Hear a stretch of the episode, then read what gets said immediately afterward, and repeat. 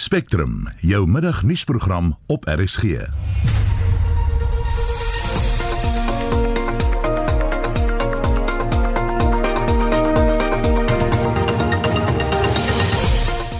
En in die program die DA sê hy gaan die regering hof toe vat oor die besluit om verskeie strande tydens die feesseisoen te sluit. Die party se federale voorsitter Helen Zille praat binnekort met ons hieroor. Afgetrede weermaglede is warm onder die kraag weens leë beloftes oor pensioenverhogings. Dit vir uh, die Unie en vir soldate absoluut onverstaanbaar dat daar uh, op 'n dooie perd soos SAL 10 miljard rand uitgehaal kan word uit die fiskus, maar daar kan nie 'n sent spandeer word om soldate se se lewens te verbeter, hulle salarisse te verbeter nie. Absoluut onaanvaarbaar. En die ANC se sekretaris-generaal Ys Magashule bly steeks oor die integriteitskommissie se besluit dat hy op sy staan. Die span in die ateljee vandag is redakteur Justin Kennedy, produksieregisseur Evert Snyman en ek is Susan Paxton. Presies 10 minute oor 1 jy luister na Spectrum. Die DA president Cyril Ramaphosa tot 10uur vanoggend gegee om redes te verskaf waarom strande langs die tuinroete ook op sekere tye gesluit sal wees oor die feesseisoen. Ons praat nou hieroor met Helen Zille, voorsteur van die party se federale raad. Goeiemôre Helen. Goeiemôre Susan. Julle het die president uitstel van gister tot vanoggend gegee om op julle eise oor die sluiting van strande te reageer. Wat gebeur nou? Het hy gereageer? Die president se kantoor het nie gereageer nie. Trouwens hulle het nie eers hulle advokate ingelig oor die saak nie en ons het nou toe ons papiere ingedien en ons gaan dringend hof toe maandag. Waarom is die oophou van strande so belangrik vir julle? Dit is geweldig belangrik vir die ekonomie van al die stranddorpe in die Weskaap en elders. Dit is ook baie veiliger vir mense om buite te wees en nie binne nie terwyl hulle vakansie hou. En die Deskundiges van die regering self het gesê hulle kan glad nie verstaan hoekom hierdie strandverbod hoegenaamd inge ingestel is nie. Word die publiek nie verwar of laks gemaak deur die politieke toutrekkery nie? Dit is nie politieke toutrekkery nie. Dit gaan oor 'n grondwetlike beginsel. Strande is die kompetensie van plaaslike regerings. Mense het die reg om vrylik te beweeg veral onder vlak 1 van hierdie beperkings. En daar's geen grondwetlike of wetenskaplike rede hoegenaamd hoekom dit verbied moet word nie. Hoe sou julle graag wil sien moet die regering te werk gaan om hierdie tweede vlaag van COVID-19 infeksies stop te sit? Waar die DA regeer, het ons die vermoë om seker te maak dat die protokols heeltemal deurgesit word en geëerbiedig word op ons strande waar ons regeer. En dis juis wat moet gebeur. Ons dit moet aan ons oorgelaat word om dit te reguleer en dit gaan baie makliker wees om dit in die buitelug te reguleer as om binne in al die vermaakplekke waar mense saam sal drom as die strande gesluit is. Baie dankie. Dit was Helen Zille, voorsteur van die DA se Federale Raad. Ons kry ook nou reaksie van die ANC se amptelike of as amptelike oppositieparty in die Wes-Kaap. Die party se woordvoerder is Dennis Skrywagen. Goeiemôre Dennis. Goeiemôre Susan. Weet jy ek het nog geluister. Goed, jy uh, jy bevind jouself in die Suid-Kaap. Hoe lyk sake daar voor ons nou reaksie kry? Wel ek is in die Suid-Kaap en ek is in 'n pragtige dorpie genaamd Gourits Riviermond. Hier uh, die strand is leeg uh, en die polisie patrolleer hier. Gister was die polisie hier om mense te waarsku dat hulle moet liewer van die strand af kom. So uh, in Gouritsmond uh, lyk dit of mense die strand toe gaan. Nie. Waarom verskil julle van die DA oor die sluiting van strande? Weet jy ek het nou net gehoor in julle bulletin net selfs die burgemeester van Nysna wat 'n koop uh, lid is hierdie uh beperkings wat die president afgekondig het verwelkom het. So dis nie dat uh, die hele Weskaap al die hele kusgebied uh, saam met die DA nie. Ek dink uh, uh, uh, ek ek het weer gegaan oor wat die president nou die aand gesê het as hy afkondiging gemaak het. En hy het gesê dat uh, hierdie pandemie uh, die grootste risiko of aanslag of gevaar vir ons ekonomie en die herstel van die ekonomie lê hier gepaard as ons dit nie uh uh, uh baas raak nie as ons ekonomie weg lê lê uit sy woorde af so ons verskil van die DA Ja, ons verstaan dat besighede uh uh lê onder hierdie regulasies. Ons verstaan dat almal van ons lê daar daaronder. Dit is nie net besighede nie. Ehm uh, maar wat is die belangrikste? Ons oorlewing as 'n land en die oorlewing as 'n ekonomie of nou 'n uh, soort van band-aid stick wat ons daarop sit. Ek dink ook dat die howe moet besluit wat grondwetlik is en wat nie ongrondwetlik is uh, wat ongrondwetlik uh, is. Uh andersins is dit maar net opinies wat ons het en dit is daar gooi en en mens wil nie 'n politieke spel hiervan maak nie. Uh dit is te belangrik om politiek te speel. Nee, die oorsaak van infeksies tot 'n groter mate by oopstrande as nou maar by kuierplekke. Nou ja, nou kom ons van die oopstrande en uh, jy net een ou, een ou daar kan 'n hele klomp mense besmet. So ek wil daai risiko vat nie. Hm. Goed dan, uh, iets wat gister gebeur het, waarom sou minister Bekkie Cele reken dit was geregverdig om gister 'n filmspan van 'n Kaapse strand te verwyder as hulle die nodige goedkeuring gehad het? Kom ons uh, ons kyk dit uit 'n ander oogpunt. Indien hulle die nodige toestemming gehad het, was daai toestemming sekerlik gegee voordat die president maandag aan sy aankondiging gemaak het. En as jy dan die aankondiging hoor, dan kyk jy na alle uh, permitte wat jy wat jy uitgereik het en sê is dit strydig met wat die president afgekondig. So die Kaspat Kaapstad dink ek was bietjie onverskillig daar. En uh die minister daar gegaan en hy het gesê hy het 'n verklaring uitgereik en hy sê dit was strydig met die met die regulasies. So ek berus by daarin. Sê vir my, hoe help die Weskaapse ANC uh, gemeenskappe om bewus te wees van die gevare van die COVID-pandemie? Die Weskaap ANC is van die begin af op die grond besig in verskillende uh, gemeenskappe om vir mense te waarsku. Trouwens, ons het soveel van ons eie lede uh, aan COVID afgestaan dat uh, ons is bekommerd want ons weet die gevaar daar. Daar was baie wat ons byna week na week op 'n begrafnis moes gehad het van ons eie mense. So dis ons is daar in die gemeenskap om te sê hierdie COVID val almal van ons aan. Maak nie saak of jy DA is of ANC of wat ook al sê. Hy val jou aan en as jy onverskillig is en nie voorsorgmaatreëls tref nie, gaan jy betaal daarvoor en baie duur. Baie dankie, dit was Dennis Skrywagen, hy's die woordvoerder van die ANC in die Wes-Kaap. Die nasionale akkommodasievereniging sê daar is nie te veel mense wat hulle verblyf gedurende die feesseisoen in KwaZulu-Natal gekanselleer het nie. Dit volg nadat die president aangekondig het dat strande in die provinsie op sleuteldae gesluit sal wees. Emma Jacobs, die raadslid van die vereniging in KwaZulu-Natal, waarsku egter dat 'n tamaletjie kan ontstaan weens mense wat kanselleer en hulle deposito's wil terug hê. The issue around cancellations is that in the past, when we had lockdown regulations that said you may not travel, and then they've slowly been eased, we were obliged to refund people in full if they wanted to be refunded because they could not travel. Now the issue centers around the fact that the the government is not saying you may not travel. It's just one of the attractions that we have here in KZN is closed, and only for specific days. So that doesn't mean people can't come to Durban. It just means they can't go to Durban beaches on a certain day. Jacob sê omdat dit jou eie keuse is om te kanselleer op kort kennisgewing, beïnvloed dit die terugbetaal van die deposito. Sy sê daar is 'n groot verskil tussen die oorspronklike reisverbod en die huidige maatreëls.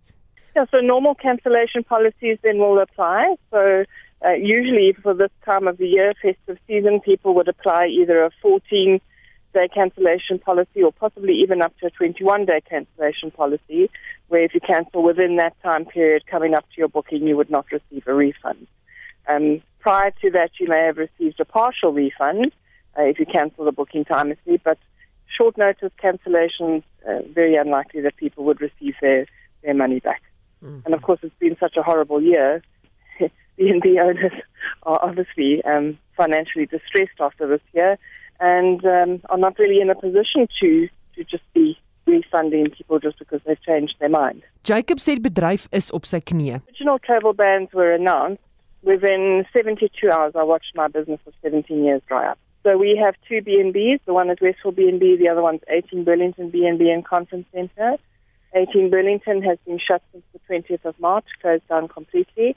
I'm in the process of selling it. Uh, retrenched four staff that were on that premises consolidated both B&B's occupancy into one B&B, which is the Lilizela National winner of 2017 and provincial winner five years in a row. Number one on TripAdvisor, all of that. But yeah, our occupancy has been incredibly low. So even with the December festive bookings, we're looking at an average 27% occupancy for the last 10 months. Uh, the mental bit is one thing. Personally, my husband and I have taken on an extra million rands worth of debt.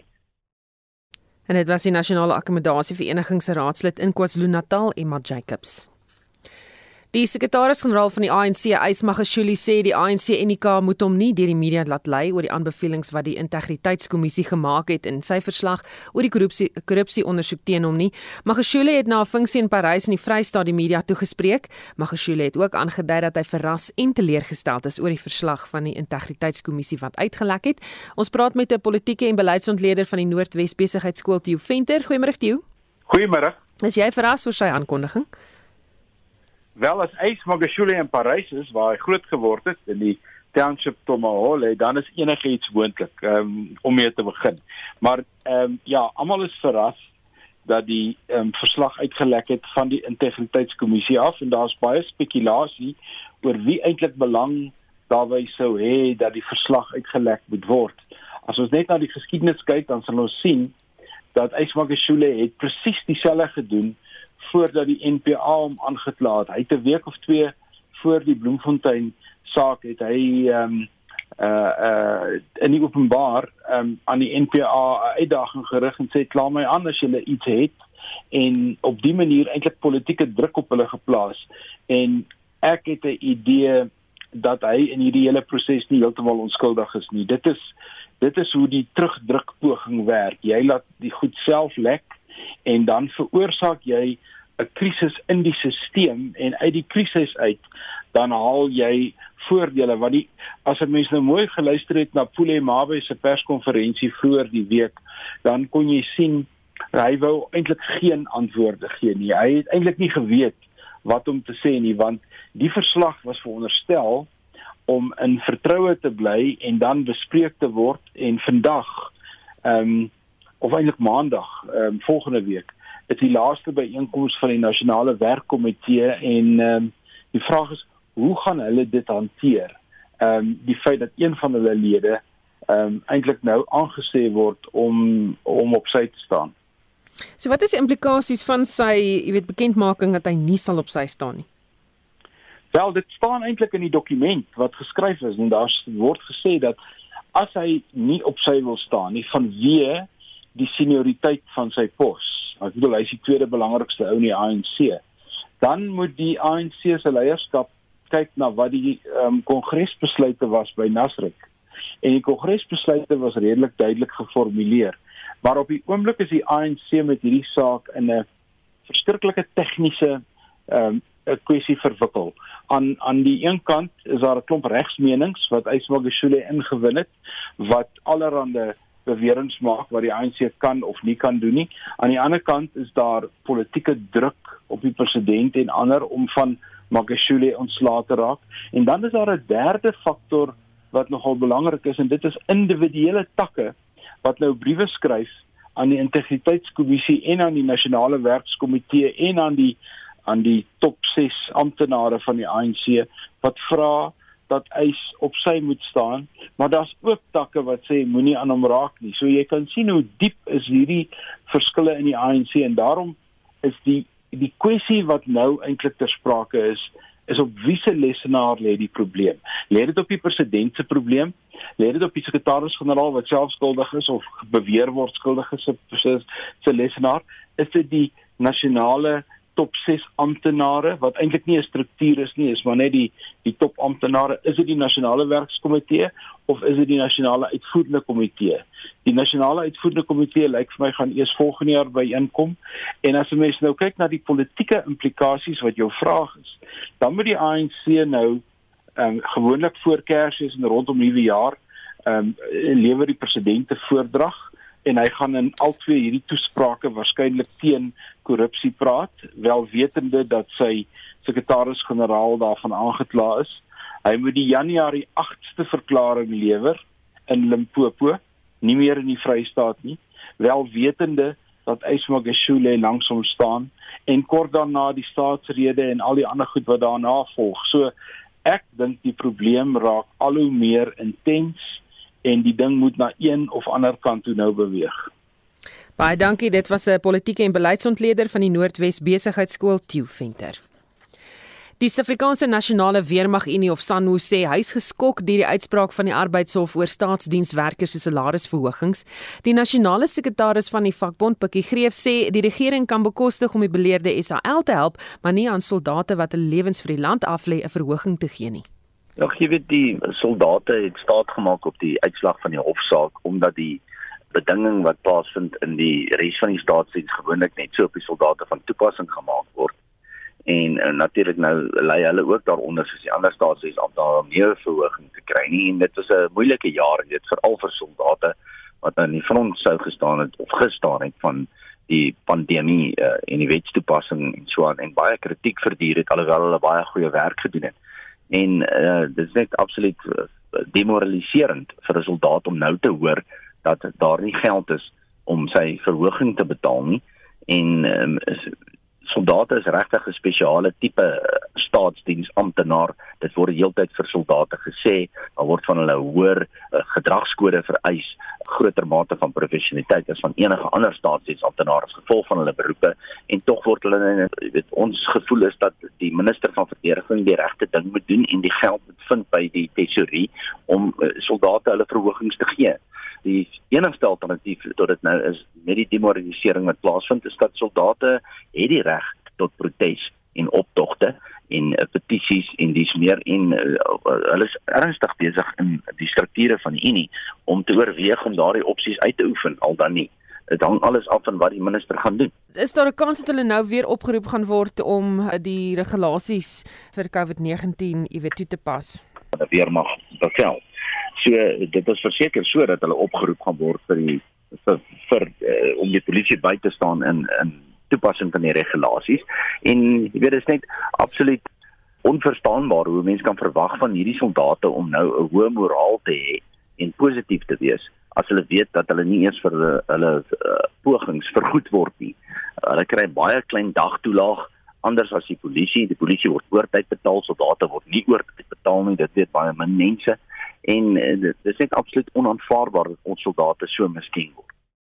Dit was die nasionale sekretaris van Sanwu Pikkie Greef. Ons bly by die storie, 'n arbeidsregkenner en hoof van die arbeidsregafdeling van die regsfirma Baker & McKenzie, Johan Botha sê, die uitspraak van die arbeidshof het baie wenkbroue laat lig. Botha sê egter dat die regering die vakbonde volgens wetgewing 'n kans gegee het om te onderhandel oor die kwessie. Botha sê verder dit is onduidelik hoekom die vakbonde of nie geweet het of hulle gesteer het aan die klousule in die wet wat sê dat die regering hom nie kan verbind tot 'n ooreenkoms wat hy nie kan bekostig nie.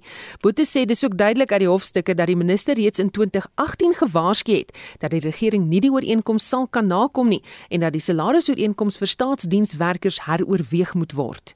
Dit is 'n ongelooflike interessante uitspraak en en ek dink nie net vir vir arbeidsregkenners en en vakunielede nie, maar ook vir almal van ons wat belastingbetalers is.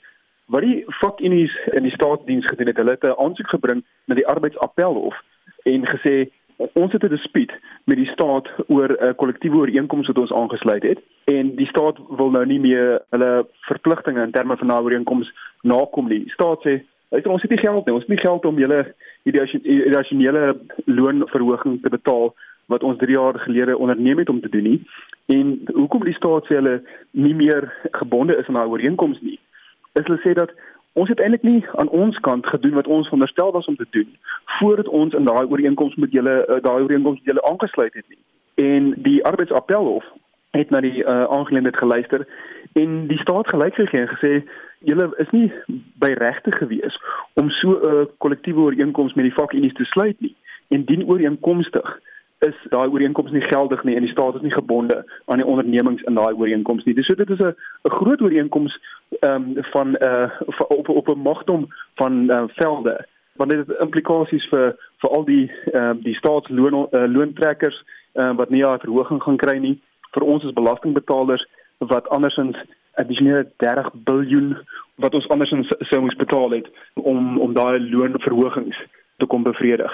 So dit is is regtig nogal 'n monumentale beslissing van die arbeidsappelhof. Wat is die implikasies van hierdie besluit? Dit behoort nie 'n uh, dis is nie 'n uh, onredelike president of iets wat enigiemand regtig te skok nie. Dit dit gaan maar terug na basiese kontrakbeginsels. So as ek en jy in 'n kontrak uh, met met 'n kontrak onderhandel. As ek kan instap en ek sê luister ek verteenwoordig SAIK, gaan jy eers met my sê Botus, waar kom jy vandaan? Jy weet, uh, ek wil graag 'n uh, aanstellingsbrief sien of 'n 'n volmag waar die waar die SAIK jou die reg gegee het om namens hulle te onderhandel. Want andersins kan enigiemand mos mekaar onderhandel en sê hulle verteenwoordig 'n derde party wat dit nie so is nie. So hierdie gaan terug na daai beginsel toe van is ek besig om die regte party te onderhandel en het hierdie party die volmag om namens iemand anders met my te kan onderhandel. Wat hierdie ding so pertinent maak, is die feit dat daar in die staatsdiensregulasies word op pertinent reëlings is daar pertinente reëlings wat oor hierdie tipe van onderhandelinge gaan met vakunies. So regulasie 78 sê dat wanneer jy 'n kollektief beding as 'n staatsinstelling, weet moet jy dit doen in terme van die arbeidswet uh, en jy moet dit doen met met met 'n uh, reël um, regulasie 79 in gedagte.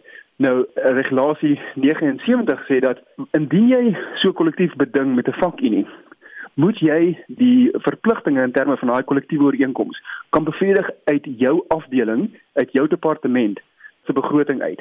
En as jy nie kan nie, dan moet jy 'n onderneming kry van die fiskus van tresorie af om te sê dat ons is gemaklik daarmee en daar is geld om hierdie kollektiewe ooreenkoms se verpligtinge te bevredig. En dit is wat die staat nie gedoen het nie. So die fakunie is ongelukkig hulle sê maar luister julle kom en julle onderhandel met my, maar julle kry nie julle julle huiswerk in orde voordat julle my kon onderhandel nie. Nou sê julle vir my hierdie ooreenkoms wat ons gesluit het is nie geldig nie. Maar hierdie is wetgewing. Dis nie interne regulasies, 'n beleid van 'n maatskappy waar die ander party nie redelikerwys kan weet dat daar is sekere uh um uh beleidsbeslissings wat eers geneem moet word voordat die maatskappy gebind kan word nie. Hierdie is wetgewing, dis die uh, staatsdiensregulasies.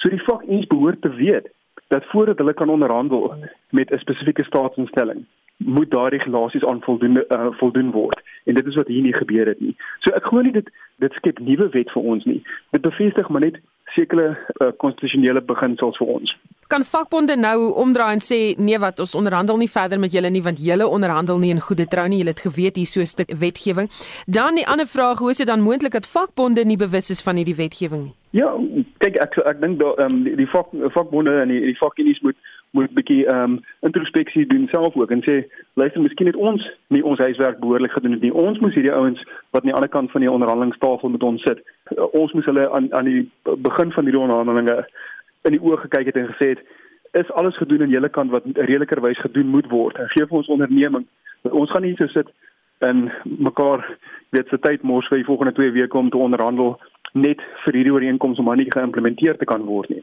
En hmm. weer eens dis dis basiese uh arbeidsverhoudinge 101 daai. Dis die tipe van goed wat jy leer om te sê wanneer jy onderhandel met 'n vakunie, wanneer jy namens die vakunie met die werkgewer onderhandel, daai is die tipe van goed wat jy wat jy uh, uitsorteer reg in die begin van sulke uh, loononderhandelinge. So ek dink die vakkie moet moet bietjie van daai blame op hulle eie skouers ook neem en sê volgende keer sal hulle beter kan doen en ek glo hulle sal.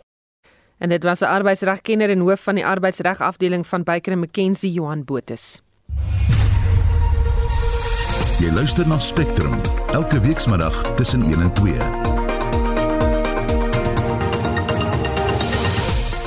Hoofnuus vandag, die DA sê Zille is uh, president Cyril Ramaphosa het steeds nie redes verskaf waarom strande langs die tuinroete gesluit sal wees oor die feesseisoen nie. Trouens hulle het nie eers hulle advokate ingelig oor die saak nie en ons het nou toe ons papiere ingedien en ons gaan dringend hof toe maandag. Later in die program die openbare beskermer se kantoor spog met 'n skoon audit vir die eerste keer in jare. Ons bring jou die jongste oor die departement van basiese onderwys se gereedheid vir die nuwe skooljaar en 'n visueel gestremde student aan die Universiteit Stellenbosch bewys dat enigiets moontlik is as jy jou bes te gee. Bly ingeskakel. Daar is geen verkeer. In Gauteng staan 'n vragmotor op die N12 oos net na die Edenvale weg afrit linkerbane toe en dan was daar ook 'n botsing op die N1 noord net voor Ellendale weg. Drie bane is toe daar. In Kaapstad was daar 'n botsing op die N2 stad net na Botchet Quarry weg en dit is jou verkeersnuus. Ons maak 'n draai op die rugbyveld met Shaun Jooste. Ons begin met rugby nuus. Saterdagmiddag se Curriebeeker wedstryd in Kimberley tussen Griquas en die Bulle is gekanselleer nadat spelers en personeellede van die Bulle se bestuurspan positief getoets het vir die koronavirus. Beide spanne ontvang 2 punte op die punteleer. Daar is vier veranderinge aan die Haie se beginspan vir Saterdag aand se Curriebeeker kragmeting in Johannesburg teen die Lions gemaak, al vier onder die voorspelers. Die akker kern van vieren, Stit Michael Kumberai en twee slotte, JJ van der Merwe en Aston Fortuin, kry hulle kans in die begin 15tal. Die wedstryd skop 7 uur af. Sokker. Vanaand in die Engelse Premier League speel Aston Villa 8uur teen Burnley en Sheffield United 10uur teen Manchester United. Tennis. Organiseerders van die Australiese Ope het bevestig dat die 2021 weergawe tussen 8 en 21 Februarie sal plaasvind. Deelnemers sal van 15 Januarie af in Australië aankom en vir 2 weke geïsoleer word. Huidiglik sal toeskouers ook by die toernooi in Melbourne toegelaat word. En laastens in golfnuus herinner ons graag dat die LPGA Tour se CME Tour Kampioenskappe vanmiddag kort voor 4 in Naples in Florida begin. Suid-Afrika se Ashley Buy het vir die toernooi gekwalifiseer in die wêreld se top 5. Jin Young Ko, Se Young Kim en Inbi Park van Suid-Korea en die twee Amerikaners Nelly Korda en Danielle Kang is ook in aksie. Shaun Jooste van RSG Sport. Die minister van basiese onderwys, Angie Motshega, sê die departement win regsadvies in om van die foute aan te spreek wat in die hofuitspraak gemaak is wat verband hou met die twee vraestelle wat haar departement wou hê matrieks moet oorskryf. Sy het terwyl 'n aanlyn media-konferensie gepraat oor die uitdagings vir en gereedheid van die onderwysdepartement vir die 2021 skooljaar. Esie de Klerk het meer besonderhede. Motshega het gesê sekere bevindinge in die uitspraak was strydig met die toepaslike wetlike bepalinge oor basiese onderwys. Sy het ook gesê die uitspraak het nie die geloofwaardigheid, integriteit en regverdigheid van die 2020 matriekeksamen in berekening gehou toe besluit is matrieks hoef nie die twee vraestelle oor te skryf wat gelek is nie. Mojeka het beklemtoon leerders in al 9 provinsies is geïmpliseer. Vraestelle word vanaf 4 Januarie gemerk en die uitslae van die meer as 1 miljoen leerders wat 216 vraestelle geskryf het, word op 22 Februarie bekend gemaak.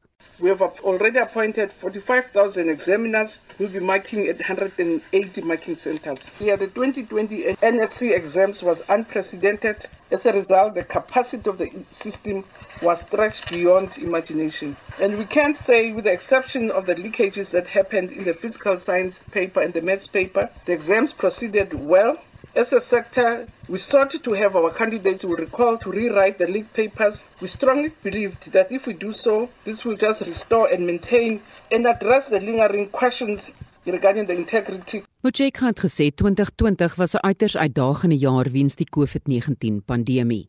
Die departement het 1493 onderwysers verloor, waarvan sommige weens die koronavirus gesterf het. Sy sê die agterstand wat COVID-19 by leerders gelaat het omdat skole van Maart tot Junie gesluit was, sal oor die volgende 3 jaar op 'n omkeerstrategie hanteer word. 300 000 onderwyserassistente is deur die departement aangestel. This is part of the president's presidential employment stimulus initiative to create 200,000 employment opportunities for education assistants and also 100,000 opportunities for general assistance. This program seeks to address the COVID 19 pandemic disruptions because your teacher assistants are going to help us in terms of revision and also catching up on what we have lost. And the general assistants will help us also to deal with some of the infrastructure challenges that we have. The 300,000 employment opportunities were targeted at the young people to strengthen our capacity in schools at least until the end of March in 2021. Die assistente sal leerders onder meer met wiskunde en leesvaardighede bystaan. So the recovery of these annual teaching plans focus mainly on the core and fundamental content knowledge, on skills, attitudes and values required in each grade and subject to ensure deep learning and content necessary as opposed to superficial learning. Die nuwe skooljaar skop op 27 Januarie af.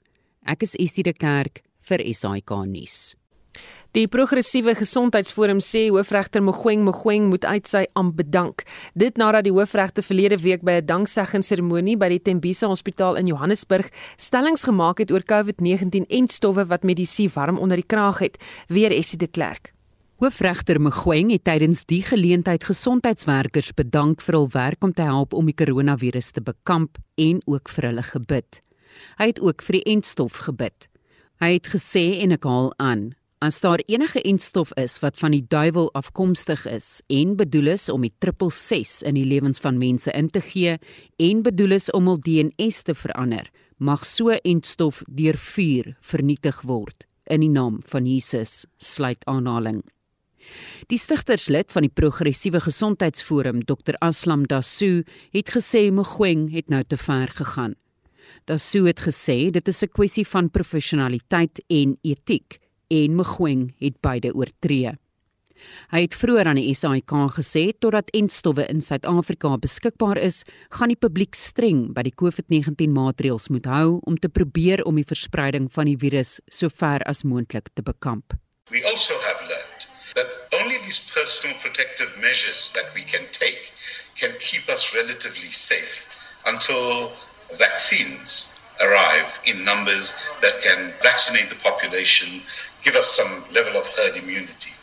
This is going to take time. 2021 is going to be a waiting game for us. The president has promised that we might get about 6 million doses in the first half of next year. That will be used for the most critical personnel and for elderly people. It's nowhere near enough. And one presumes that they are in negotiations with pharmaceutical companies to procure more, as is every other country in the world. So it's a tough thing.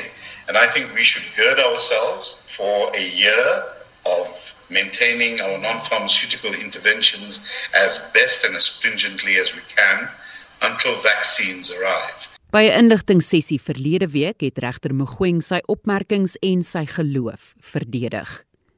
Ek is Estie de Klerk vir SAK nuus. Ons bly by die storie hoewel daar geen spesifieke gedragskode bestaan oor wat regters mag doen of nie doen nie, is hulle wel verplig om ten alle tye waardig te lewe. Die doel hiervan sê 'n afgetrede regter van die konstitusionele hof Johan van der Westhuizen is dat die respek vir die regbank behoue bly selfs wanneer hulle bid. Hy het vroeër met Hendrik Weingart gepraat. Regter Johan van der Westhuizen sê hoofregter Mogoeng Mogoeng was vir solank as wat hy hom ken nog altyd baie godsdienstig, maar die godsdienstigheid moet versigtig geïnterpreteer word omdat dit op irrasionaliteit kan afstuur. Hy glo spesifiek in hierdie prosperity faith of prosperity gospel, naamlik dat die Here direk met mens praat, dat jy jou sien as jy vir hom luister dat jy kan vas ensovoorts en dan kry jy beloning daarvoor. Hy het destyds gesê dat omdat hy 3 weke lank of hoe lank al gevas het, het die Here hom die derde magtigste man in die land gemaak. So daardie opvattinge van hom is vir my persoonlik um, onverstaanbaar en irrasioneel. Hy sê egter dit was dalk juis Mogoeng se geloof wat hom in die moeilike staatskapingsjare gehelp het om sterk te staan teen die Zuma bewind. Om regverdig te wees moet ek wysê dat hy in sy uitsprake nooit deur hierdie tipe van godsdienstige opvattinge beïnvloed is nie. Ek moet ook sê dat my persoonlike mening is dat sy godsdiens, die feit dat hy glo glo dat hy direk met die almagtige God in verbind in verbinding is, om wel gehelp het deur 'n moeilike tyd om sterk standpunt in te neem teen die Zuma regime se korrupsie en pogings om die regbank te beïnvloed en daarmee het hy nogal 'n voorbeeld gestel vir baie ander regters. Wat Mogoeng se gebed oor 'n enstof vir die COVID-19 pandemie betref, flikker daar egter bepaald gevaarligte vir interpretasies oor hoe uitsprake deur die konstitusionele hof gelewer word. Maar om by die gebed uit te kom, kyk natuurlik kan enige een bid soos wat jy wil, maar jy moet daarom aanneem dat as jy uitgenooi word om iewers te praat juis omdat jy die hoofregter is, nie omdat jy 'n pastoor is nie, dan moet jy daarin versigtig wees dat jou woorde gaan geïnterpreteer word omdat jy die hoofregter is. En um, ek dink die vrees hier is dat mense gaan begin dink dat hierdie wilde tipe van uitlatings van 'n virus of of 'n vaksinne of iets wat deur vuur verdelg moet word of dat Israel ehm um, bo Palestina bevoordeel moet word omdat jy andersins vervloek sal word ensovoorts. Die gevaar is dat mense gaan begin dink dat dit is hoe uitsprake gelewer word. Dit is hoe regsprobleme opgelos word. Dit is hoe die regters van die hoogste hof dink. En dit is daarom glad nie so nie en soos wat ek vroeër gesê het, toe ek nog op daardie hof was, is dit nie wat die hoofregter gedoen het nie, maar ek dink sy uitsprake, sy openbare gebede ensovoorts kan uiters problematies wees wat betref die opvatting van die rasionele denke van 'n hof. Dit was die afgetrede regter van die konstitusionele hof, regter Johan van der Westhuizen. Ek is Hendrik Weingart vir SAK nuus. Die kantoor van die openbare beskermer, advokaat Posisiwe Mqwebani, vier vandag die prestasie van 'n eerste skoon auditverslag in die kantoor se 25ste of 25-jarige bestaan. Ons praat met die kenner in openbare leierskap, professor Erwin Swela vir sy indrukke hiervan. Goeiemôre Erwin. Middag Susan, middag luisteraars. Dit is seker behoorlik of uh, jy weet om vir die OB nou geluk te wens hiermee.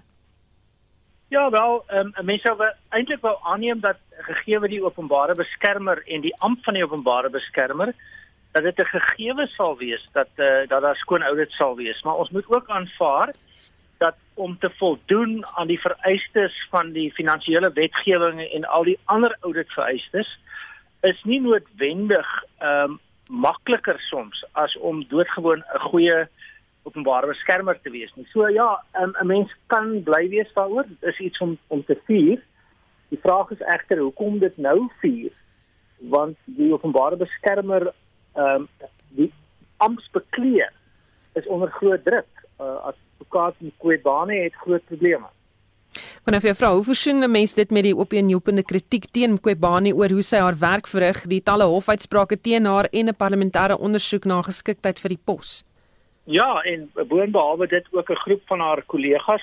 Ons het nou net gehoor uh, wat 'n uh, oudregter van die Wesduisen sê wat uh, haar by die uh, beroepsraad vir um, regsgeleerdes eintlik ook wil uh, uh, op 'n manier aan aanvat om te kyk of hulle haar nie van die rol geskraap kan kry nie. So sy het 'n hele aantal probleme en 'n mens dink dan dat dit 'n soort meevaller is, nê? Nee. Ehm um, in die sin dat hier is nou na 25 jaar en ons het al slegte openbare beskermers gehad persone, individue en ons stap goeie openbare beskermers gehad. Ons dink maar aan advokaat Tuli Madonsela. Maar hier het ons nou 'n geleentheid waar in die 25 jaar termyn is daar 'n skoon audit en dit moet nou gevier word. Mens moet net versigtig wees vir die strategiese politieke kommunikasie hier. Ehm um, dit mag wees dat die viering nou gebruik word om al hierdie ander ehm um, slegte nuus te verdoesel.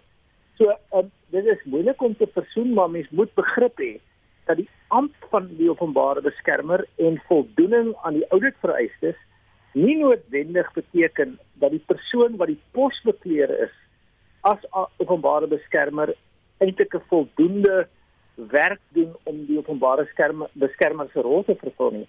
So die goed moet mense onderskei. Die openbare beskermer uh, het ernstige probleme en sy gaan waarskynlik ondanks die skoon audit nie haar termyn voltooi nie. Mqwebani en haar voorganger Tuli Madonsela het dit in gemeen dat hulle albei gekla het dat die kantoor van die OB heeltemal te min geld kry om hulle werk voldoende te doen. Stem jy saam? Ja, mense sou uh, wou argumenteer dat ehm um, as die openbare beskermer as 'n amp, uh, nê, nee, ehm um, goed gefinansier word en as die bekleer van die amp dan buitengewone werk doen soos 'n uh, eh, advokaat Madonsela nou professor Madonsela gedoen het dan kan jy eintlik wonderlike redes aanvoer hoekom jy dit baie goed moet finansier want die koste om uiteindelik voldoening te kry en uiteindelik die korrupsie te staak wat ons land miljarde kos is dan eintlik 'n klein gegewe teenoor die betrokke begroting. Ek praat nou onder korreksie Susan, ek het nou nie die syfers ehm um, uh, onlangs gekontroleer nie, maar dit is maar 'n paar honderd miljoen. As ons 2% besparing op korrupsie van miljarde kan kry deur die openbare beskermer se optrede, dan is dit eintlik 'n baie doeltreffende ehm um, verhouding. So, ja, daar is eintlik vir 'n openbare beskermer amp wat 'n goeie bekleer van die amp het, is daar eintlik te min geld en ons hoef dit nie te regverdig net in terme van die moraliteit daarvan nie. Ons kan ook sê dat as die openbare beskermer 'n goeie openbare beskerming is en die amp goed funksioneer, kan ons miljarde rande bespaar op grond van haar, van van haar optrede. Baie dankie. Dit was professor Erwin Schwella, hy is die dekaan van die skool vir innovasie by die Huguenot College. 'n Maatie, Annika Pretoria, het pas haar meestersgraad in sportwetenskap cum laude by 'n klein graadeplegtigheid aan die ESC Departement Sportwetenskap ontvang. Annika, 'n visueel gestremde student en paralimpiese atleet, sê sy moes leer om nie skaam te wees oor haar gebrek en om dit te probeer wegsteek nie. En ons praat nou met haar. Goeiemôre Annika. Goeiemôre Susan. Baie geluk met jou graad. Vertel ons kortliks van jou navorsing. Okay Susan, so alhoewel meeste mense dink dat ehm um, 'n mens koolhidrate nodig het tydens vinnige energie tydens hoë intensiteit oefening. Ehm um, het ek as 'n sportfisioloog en selfatleet glo ek dat die liggaam die menslike liggaam kan aanpas om ehm um, fisiologies aan te pas ehm um, in respons tot die uitdaging van oefening, maar ook die uitdaging van 'n uh, ander tipe voeding. So um, in my navorsing het ek gekyk na die effek van 'n 6 weke lae koolhidraat dieet um op energiemetabolisme en prestasie tydens hoë intensiteit um sprintoefening, herhaalde sprintoefening, soortgelyk aan wat mense wil sien in gewilde sportsoorte soos rugby, netbal en tennis. Um die hoofbevinding van ons resultate het ons gewys dat die liggaam wel fisiologies aanpas um om 'n ander meer effektiewe energiebron, naamlik kreatienfosfaat, wat selfs vinniger energie produseer as um koolhidrate um meer effektief te kan gebruik en dit het positiewe effekte gehad op my deelnemers se prestasie tydens hierdie sport. So ja, hierdie bevindinge is nogal um besonder gewees vir my en voorreg om te kon te kon doen. Nou watter tipe uitdagings het vanjaar vir jou as student gebring? Um om eerlik te wees, Susan, ek was eintlik baie bevoorreg en geseënd in die opsig dat um as 'n gesiggestremde persoon vat dit my blykbaar 'n bietjie langer om 'n teses op te skryf as gewone mense, ander studente en dis hierdie um geskenk van baie tyd in lockdown vir my was dit vir my tot voordeel geweest want ek kon lekker skryf. Um en jy praat nou van uitdagings op daardie punt. Ek hou nogal van 'n uitdaging en um uh, doelwitte maak my opgewonde. So my professor Prof Almeriter Blanche het my gehelp om hierdie groot doelwit van teses opskryf af te breek in kleiner stukkies deurdat ek elke week vir haar um, 'n um, e-pos gestuur het met drie doelwitte en hierdie op hierdie manier het dit my gehelp om regtig hierdie uitdaging lekker te kon aanpak en ek kon met lewenslus elke oggend in lockdown opstaan en werk aan my teses. Ehm um, ja, dan kon ek ook daarom tydens hierdie tyd met met prof op op, op Teams um, gereeld kon ons kontak maak as ek gesukkel het met iets. So ek was eintlik baie geseënd in hierdie tyd. Watter wenke het jy nog vir alle ander studente wat nou verder moet studeer, begin studeer? Um ek sal sê hulle moet uh, aan 'n uh, 'n uitdaging aanpak en ek meen nie as hulle nie vertroue het in hulle en hulle vermoëns nie terugstaan want ek dink met die leiding van my professor kon ek regtig 'n uitdaging wat ek dink bo my kapasiteite was aanpak en dit was ongelooflik suksesvol geweest. Baie dankie. Dit was Annika Smit. Sy was atleet by die 2012 Paralimpiese spele. Tans is sy 'n para-atletiek afrigter en 'n student. Die nuwe datums vir die Aardklop Nasionale Kunstefees is bekend gemaak. Die bestuurshoof van Aardklop, Alexa Straghan, sê dit het fyn beplanning gekos, maar daar is lig aan die einde van die tonnel. Aardklop is jou kortpad na die kunste. In einde September lei alle paaie na Potchefstroom. Dit sal in 2021 vanaf 28 September tot 3 Oktober in Potchefstroom plaasvind. Aardklop is tradisioneel altyd in die skool en universiteitsvakansie, einde September begin Oktober en hierdie jaar was dit nogal kopkrap omdat die universiteit en die skoolvakansies nie noodwendig op dieselfde datum sou val nie. Ons het onderhandel met die wonderlike NWU en ons het dit reg gekry sodat die fees nog steeds plaasvind in die universiteitsvakansie en tydens die skoolvakansie want ons is primêr afhanklik natuurlik van die NWU se fasiliteite en ons is 'n bestemmingsfees vir al die Gautengers kom in skoolvakansie en bring die gesin en die familie. En dit was die bestuurshoof van Aardklop Alexa Stragger. So gepraat van feestelikhede, kom ons luister musiek hier's Gian Groen met Gita Blom.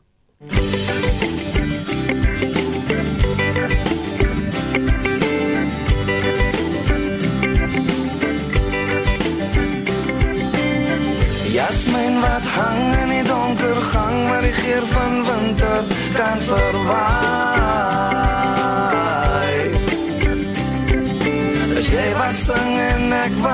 En skaterlag op die reënboog skoppel maai. 'n Groot sigaar met die goue lint, dus hier waar ek my hart kom bind, 'n gitaarblom met my siekant, my hart se diepste punt.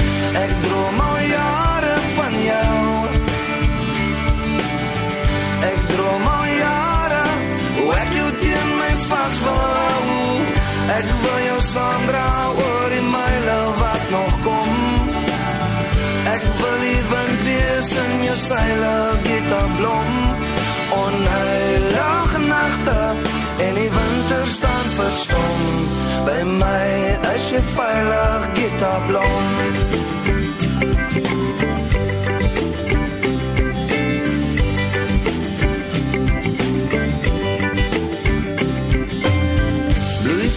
Verkeer by ons agter deur soetste September het kom draai. Jy bring vir my 'n liefdeslied waar die eindelose nagte kan vervraai. Lente bries na die winterwind, dis hier waar ek myself kan vind. 'n Gitaarblom, my meisiekind, my hart se diepste punt. Ek droom al jare van jou. Ek droom al jare hoe ek jou teen my vas wil hou. Ek wil jou saamdra oor die myle wat nog kom. Ek wil die wind wees in jou seile gitaarblom. Onheilige nagte en die winter staan verstom. By my as jy veilig gitaarblom.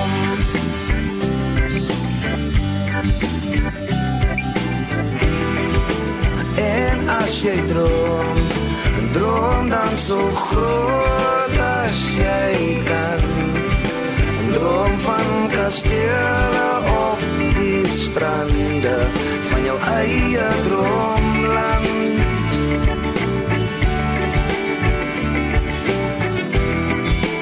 En as ek droom, dan droom ek van jou. Ek droom vir jou gou wandelpaaie so ver soos jy gaan jou eie wentelbaan ek droom al jare van jou ek droom al jare hoe ek jou teen my vas wil hou ek droom al jare van jou ek droom al jare hoe ek jou teen my vas wil hou ek wil jou saamdra oor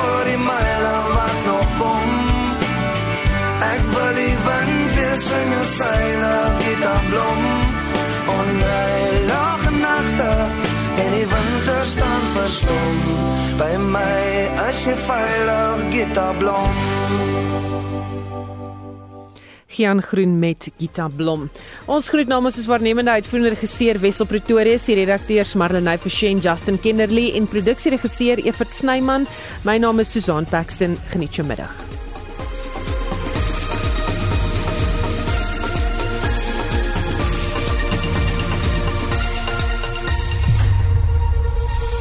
SAK nuus. Onafhanklik, onpartydig.